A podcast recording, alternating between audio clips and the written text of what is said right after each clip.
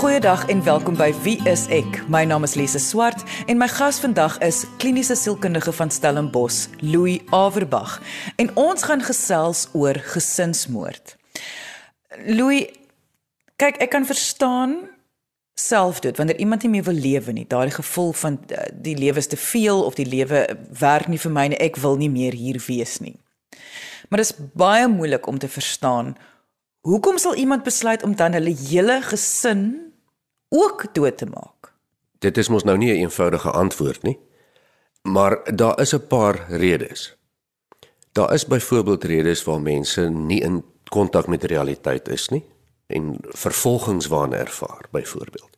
Dit kom voor daar is dwelmverwante redes ensovoorts ensovoorts, maar die grootste rede by verre weg is die sielkundige rede dat hulle die gesin wil beskerm of red van eerder as om skade aan te doen.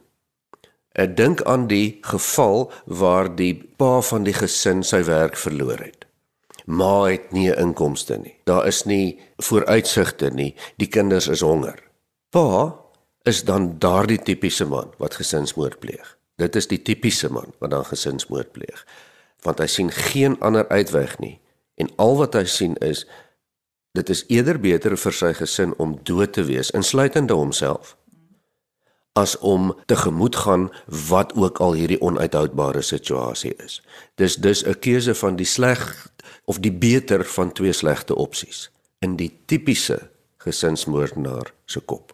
Ek wil gou 'n stapie teruggaan.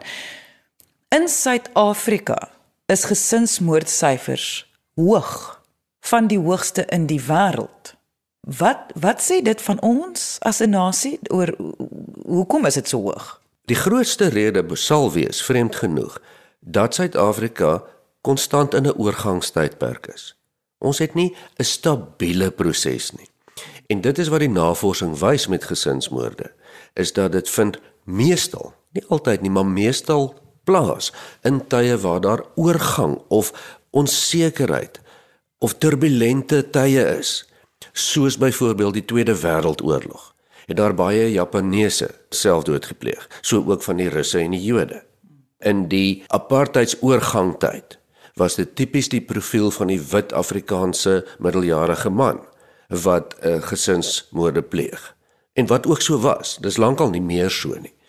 Maar die groot faktor dan is daardie onsekerheid en die angstigheid en die wete of die ten minste die persepsie dat daar geen ander opsies oor is nie. Om jouself in te dink dat jou enigste opsie om jou gesin te beskerm is om hulle lewens te neem. Dis baie moeilik om om jouself in in Nee, dit is nie so moeilik om mens daarin te dink nie. Meeste mense kan jou eintlik daarin dink. Dink gou aan 'n situasie wat vir jou onaanvaarbaar is heeltemal 'n situasie wat jy sal eerder wil dood wees as om dit deur te gaan. En dit kan meeste mense vir hulle indink. Jy hoef nie in details in te gaan nie. En dink gou dat jy dat jou gesin dit sal moet deurgaan. Dan gaan jy baie vinnig oorweeg, is dit nie dalk beter vir hulle om eerder dood te wees, ons almal, as om so en so miskien gemartel te moet word of wat ook al met ons moet gebeur nie. Maar wat ek nou wou sê is, is dat dit is mos nie realisties nie. As 'n buitestander kan jy kyk na enige iemand wat hulle gesin wil vermoor en jy gaan voel Jessie, maar dit is mos nou nie die beste opsie nie. Presies. Maar dit help vir ons om te verstaan hoe die tipiese persoon wat 'n gesinsmoordenaar is dan dink en ervaar. Dis nie noodwendig die realistiese of die beste opsie nie, maar vir hulle is dit. En die bedoeling is nie om te na te kom en seer te maak nie. Die bedoeling is om te red en te keer dat daar slegte goed verder gebeur. Maar wat jy dan sê is jy kan dit nie verhoed nie. Want jy gaan tog nie weet iemand beplan hulle kop om hulle gesin te vermoor nie. Nie eens die familie weet dit nie. So, jy gaan nooit kan 'n gesinsmoord verhoed nie, want as hulle dit sien as 'n realistiese enigste opsie, dan is dit mos nou maar dit. Wel nie eers die tipiese gesinsmoordenaar weet dat hy in partykeer sê dit gaan doen nie. Dis 'n lang proses van opbouing. En ja, dan kom daar 'n stadium waar die persoon dink, genigtig, is dit nie dalk die beste opsie nie. Maar natuurlik is dit nie iemand wat dit gaan noem nie. Daar's altyd 'n sneller iets gebeur, die bank bel weer of die skool het weer gebel vir die skoolfonds of wat dit ook al mag wees. En dan gaan daardie gedagte wat nou al miskien 'n paar weke of maande daar was, stilletjies skielik oor tot die daad. Skielik. En onthou in daardie gevalle omtrent altyd bring die oortreder hom of haarself ook om die lewe. Kom ons gesels 'n bietjie oor die ander situasie van gesinsmoord en dit is waar die oortreder nie hulle eie lewe neem nie. Hoe sou jy dit dan bewoord? Ja, dit is die kleiner persentasie van kom ons noem nou maar die term gesinsmoordenaars wat nie hulle eie lewens neem nie. En meeste van hierdie persone het dan nie die tipiese gesinsmoordenaar motief van om te red of te beskerm nie. Daar's ander motiewe. Ek gaan byvoorbeeld die Griquastad moorde as 'n voorbeeld gebruik waar Don Steenkamp sy familie vermoor het. Nou dis 'n gesinsmoord. Maar die hof het bevind dat hy het hulle vermoor omdat hy sy stiefsuster seksueel gemolesteer het en hy wou dit bedek en laat dit nie uitkom nie. So dit was 'n eksterne motief. Hierdie was dus eintlik 'n gewone moord wat lyk soos 'n tipiese gesinsmoord as dit sou sin maak. Nou daar is dan 'n ander motief. Of as dit miskien met baie ernstige uh, dwelms of alkohol gepaard gaan, dan uh, iemand kan in 'n waan gaan, psigoties wees, dink jou gesin wil jou om die lewe bring en uit selfverdediging vermoor jy hulle. Maar jy vermoor nie jouself nie want jy het mos nou uit selfverdediging opgetree volgens jou. Dit is 'n motief wat wat nie tipies is nie, maar wat dan ekstern is of vir finansiële redes. Mense sal altyd uh, depressie koppel aan selfdood, gesinsmoord. Nou wil ek by jou weet, kan depressie jou so ver druk dat jy psigoties kan raak en dan net jou familie uitmoor maar nie jouself nie? Ja, dit kan, maar dis hoogs uitsonderlik. Jy moet onthou dat die tipiese gesinsmoordenaar is nie psigoties nie. Dis nie dat of sy nie weet wat hulle doen nie of dat hulle nie in kontak met realiteit is nie. Hulle weet dit. Maar die depressiefaktor speel wel 'n groot rol. Dit lyk asof meer as 80% van tipiese gesinsmoordenaars aan een of ander gemoedsversteuring gely het, waarvan by verreweg die grootste depressie is. Onthou dit is nie 'n opgewonde persoon met lekker lewensvooruitsigte wat sy gesin om die lewe bring nie. Dis 'n desperate, moederlose persoon wat geen uitkoms meer sien nie. En ja, daarom is daardie persone geweldig swaar depressief. Maar hier's 'n interessante ding wat daarbey kom. Baie van daardie mense of meeste van die mense vra nie vir raad of vir hulp nie. En dit is nogal 'n patriargale ding. Dit lyk asof meeste tipiese gesinsmoordenaars baie van jou tipiese patriargale trekke het, van dis amper jou enigste broodwinner meestal. En dis mense wat dis nie autoritaire mans byvoorbeeld maar maar hulle het so half die verantwoordelikheid. Hulle voel dis hulle werk om die gesin te beskerm en dit kom alles op hulle neer. En die somme word gemaak dat magtig maar ek kan dit nie meer doen nie. Ek gaan dit nie meer kan regkry nie. Maar ek is veronderstel om te moet. En dis die enigste opsie. En dit lei dan tot die tipiese gesinsmoord. Daar ek wil weer sê daar's baie voorbeelde waar ons nie tipiese gesinsmoord het nie, maar dis verre weg jou tipiese gesinsmoord. Onthou mens moet ook verstaan dat meeste moorde in die wêreld word deur families gepleeg. En ons weet baie keer nie eers wa, hoeveel gesinsmoorde daar is nie, want daar's nie 'n kategorie waar daar statistiek gehou word deur byvoorbeeld die polisie nie. Moord is moord. Gewoonlik egter kom uh, uh, gesinsmoorde wel uit in die media omdat dit so rare ding is om mee te begin en omdat dit so skokkende ding is. Mense word mos nou maar geskok daardeur en tereg ook so. Jy luister na Wie is ek op RSG 100 tot 104 FM. Ek dink vir my probeer net dink wat is die meer algemene voorbeeld soos soos jy nou praat, ek dink ek dis 101 en dis dis jy het dit vroeër ook genoem die middeljarige wit man in Suid-Afrika, middel middelinkomste, maar wat gewoonlik met egskeiding gepaard gaan. Die vrou wat besluit sy wil skei en sy gaan die kinders vat en dan gebeur daar iets verskriklik.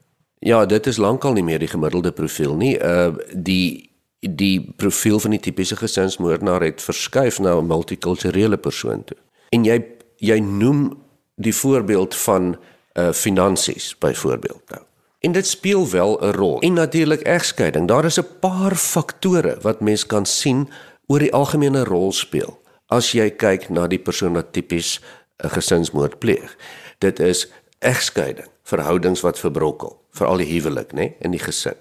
Baie beslis 'n gebrek aan kommunikasie patrone in die huwelik, veral tussen die egpaar. As hulle nie met mekaar kan praat nie, speel 'n rol. Alkohol speel partymal 'n rol, nie noodwendig ander dwelms nie. Seksuele molestering as kind speel 'n rol en natuurlik konstante konflik en dan finansiële druk. Daardie saam in die kookpot kan dan vir jou uitbroei 'n persoon wat potensieel 'n gesinsmoord kan pleeg, veral as dit 'n manlike persoon is. Gebeur nie soms onder vroue nie, maar nou moet ons daarom ook daarby sê hierdie omstandighede is beskrywend van miljoene mense in die wêreld. En daar's nie so baie gesinsmoorde nie. So jy kan nie eintlik regtig iemand voorspel nie. Indien jy nou is ingeskakel het en graag die volledige episode wil luister, onthou jy kan die pot gooi gaan aflaap RSG se webwerf by rsg.co.za. Louis voor die advertensiebreek het jy so half die algemene trekke wat jy ook wel gesê het is baie menslik. So mense moet nou nie sommer dink dat as enigiets vir jou bekend klink dat daar gaan nou gesinsmoord gebeur nie. Maar dat dit meestal by mans gebeur. Ek is nou nogal geïnteresseerd oor hoekom is dit meer mans wat dit wat gesinsmoord sal pleeg as vroue? Dit gebeur meer by mans en mans wat in 'n broodwinner patriargale beskermer van die huis situasie is. Wat maar nog baie in die wêreld voorkom, né? Nee? Mans is ook meer geneig tot gewelddadige oplossings uh, in selfs met selfdood. Die meeste gesinsmoorde word met vuurwapens gepleeg. En daarom is die beskikbaarheid van 'n vuurwapen of die teenwoordigheid of die feit dat 'n vuurwapen maklik gehaal kan gaan word uit die kluis of elders is een van die grootste faktore uh, by gesinsmoord, nie die feit dat daar 'n vuurwapen betrokke is en is oorwegend meer mans wat vuurwapens sal gebruik. Waar vroue wel gesinsmoord pleeg, blyk dit dat hulle in dieselfde posisie is as die mans wat die gesinsmoord pleeg. Hulle is verantwoordelik vir die kinders. Hulle is verantwoordelik vir die om die broodwinner te wees. Hulle ervaar daardie tipe druk om die kinders te beskerm. Wat gaan van die kinders word as ek nie meer kan nie? Jy het ook vroeër genoem dat dit is 'n proses wat opbou. Dis nie iets wat sommer net een oggend, oei, gaan dit nou ek gaan nou my hele gesin vermoor nie. Dis 'n proses wat opbou. Kan jy miskien vir ons 'n bietjie meer vertel oor daardie proses wat binne in die persoon gebeur deur jare, sou ek aanneem? Goed, kom ons veronderstel dat die persoon kom met 'n geskiedenis van die lewe het nietig vlot verloop nie jy het maar 'n paar knocks gevat om dit so te stel.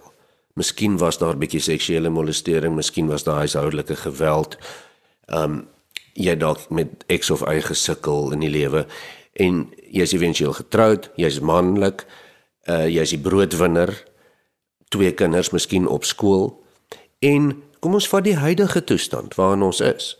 Daar's massiewe werkloosheid en jy sukkel en jy probeer Maar hier kom jy nie reg nie, paemente raak agter, jy kan nie meer die skoolfonds bekostig nie en dit is enorme druk wat jy ervaar. Goed. Nou kom COVID-19 as 'n voorbeeld. Jy verloor jou werk, jou enigste inkomste wat jy al klaar mee nie oor die weg kan kom om hierdie vir hierdie gesin van jou te voorsien nie. Jy begin emerig raak.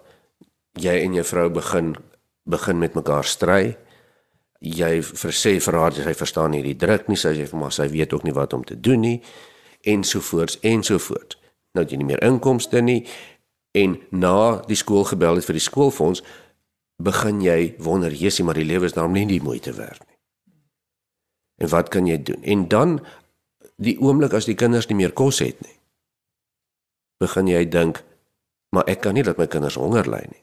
Ek kan ook nie kos steel nie want dan land ek in die tronk. En wat gaan dan van hulle word? Is dit nie dalk beter as ons maar uit hierdie ou lewe uitgaan eerder as om op straat te sit nie? En miskien net daarna die dag of die 2 of 3 dae daarna kom iemand nog aan of die balje kom nog by die huis aan en sit en sê maar nou moet jy by die huis uit want jy kon lankal nie meer jou huur betaal nie. En wat doen jy dan? Dis dan wanneer mens snap.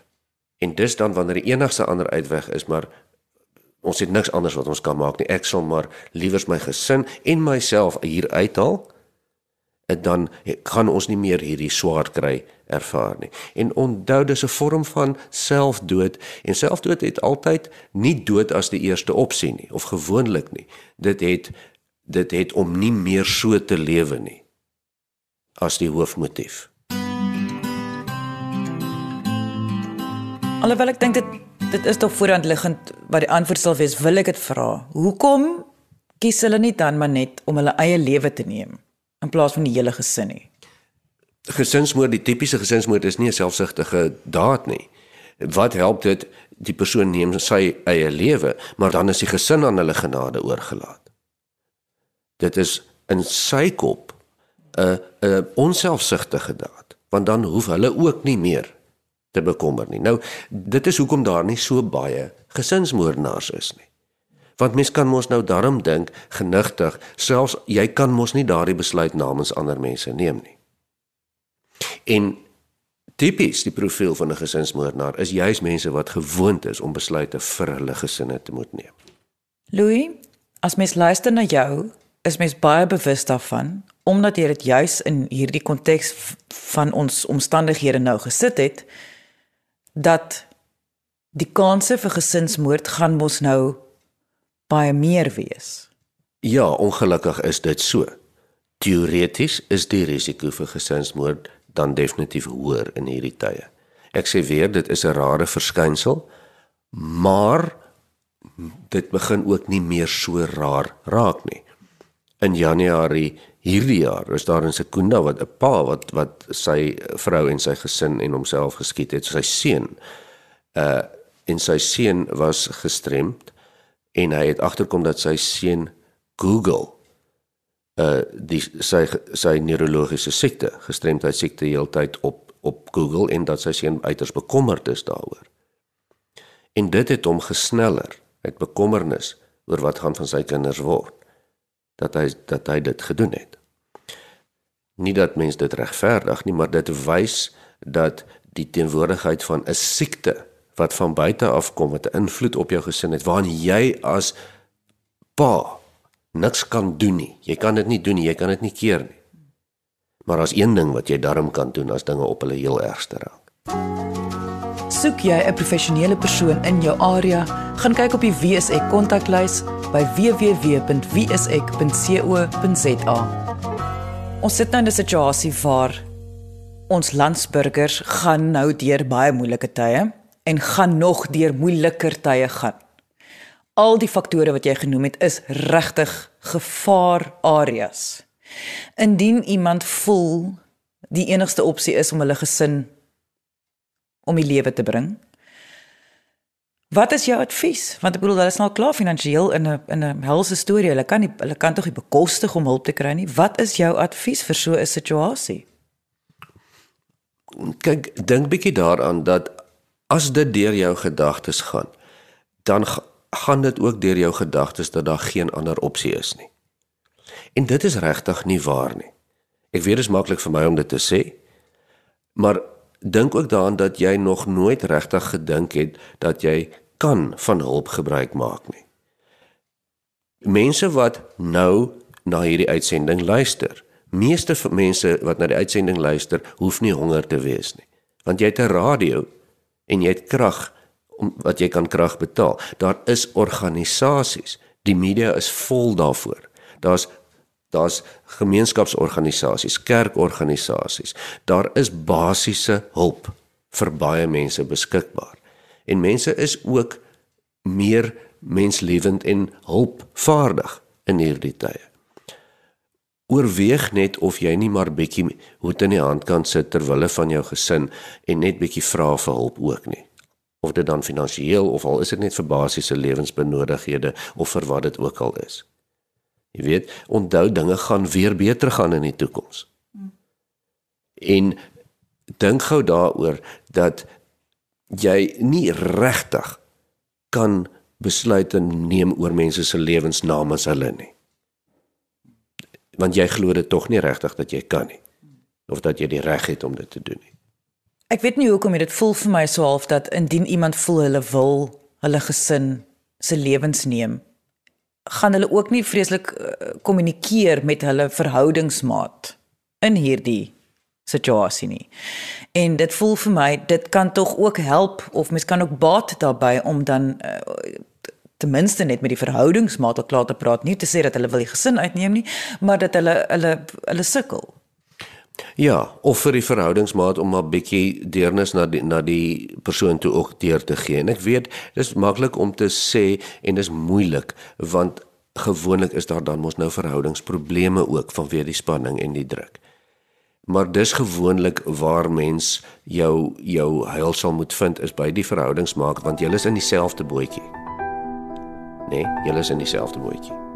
Jy luister na Wie is ek op RCG 100 tot 104 FM. Is daar enige tekens wat 'n verhoudingsmaat kan kan probeer vooruitkyk? Jong, dit is moeilik want dit is soos met 'n beplande selfdood waar mense regtig nie wil laat blyk dat dit is wat hulle gaan doen nie. Ehm um, en onthou ook met 'n gesinsmoord wag ons ook vir 'n sneller. Dit is nie asof iemand weet hulle gaan dit volgende week om daardie daardie datum doen nie as jy dalk agterkom dat dat jou lewensmaat of die persoon in jou gesin is besig om belangstelling te verloor in die daaglikse dinge wat mens moet hê om te eet en om net basiese goederes te doen, maar eerder in ander goed. Soos om sake in orde te kry, te praat oor, jy weet, 'n wonder of die testament nou al reg is ensovoorts ensovoorts. Jy kan mos kyk as jy iets snaaks optel. Um, en dan natuurlik depressie en praat oor oor oor selfdood en die feit dat die lewe nie die moeite werd is nie op 'n aanhoudende basis uh, is als aanduidings. Maar ek ek sê dit ook weer dat jy weet baie meeste gesinsmoorde mense is nie seker of dit voorkom kon word nie. Ek sê nie dit kon nie. Maar dit is goed wat 'n komplekse opbou het en 'n skielike uiteinde het. En mens sien dit nie altyd sommer kom nie. So gegeewe dat ons in hierdie moeilike tye is en dat daar baie werkloosheid is en baie mense wat hopeloos voel. Hou tog asseblief in gedagte dat dat dat jouself kan 'n groter risiko wees om jou gesin te vermoor want onthou dit is 'n eksterminasie jy vat mense se lewens weg dis wat jy doen. Wees maar asseblief bietjie meer bewus daarop. En kyk maar of daar nie ander opsies is nie want daar is altyd. Dit is kliniese sielkundige van Stellenbosch, Louis Averbag. Indien jy enige vrae het of advies nodig het, kan jy ons kontak deur ons webwerf by www.wieisek.co.za. Of kom gesels saam op ons Facebookblad onder Wie is ek SA. Baie dankie dat jy vandag ingeskakel het. Ons maak weer so. Volgende Vrydag 12:30 net hier op RSG. Jy moet 'n heerlike naweek hê en onthou, kyk mooi na jouself.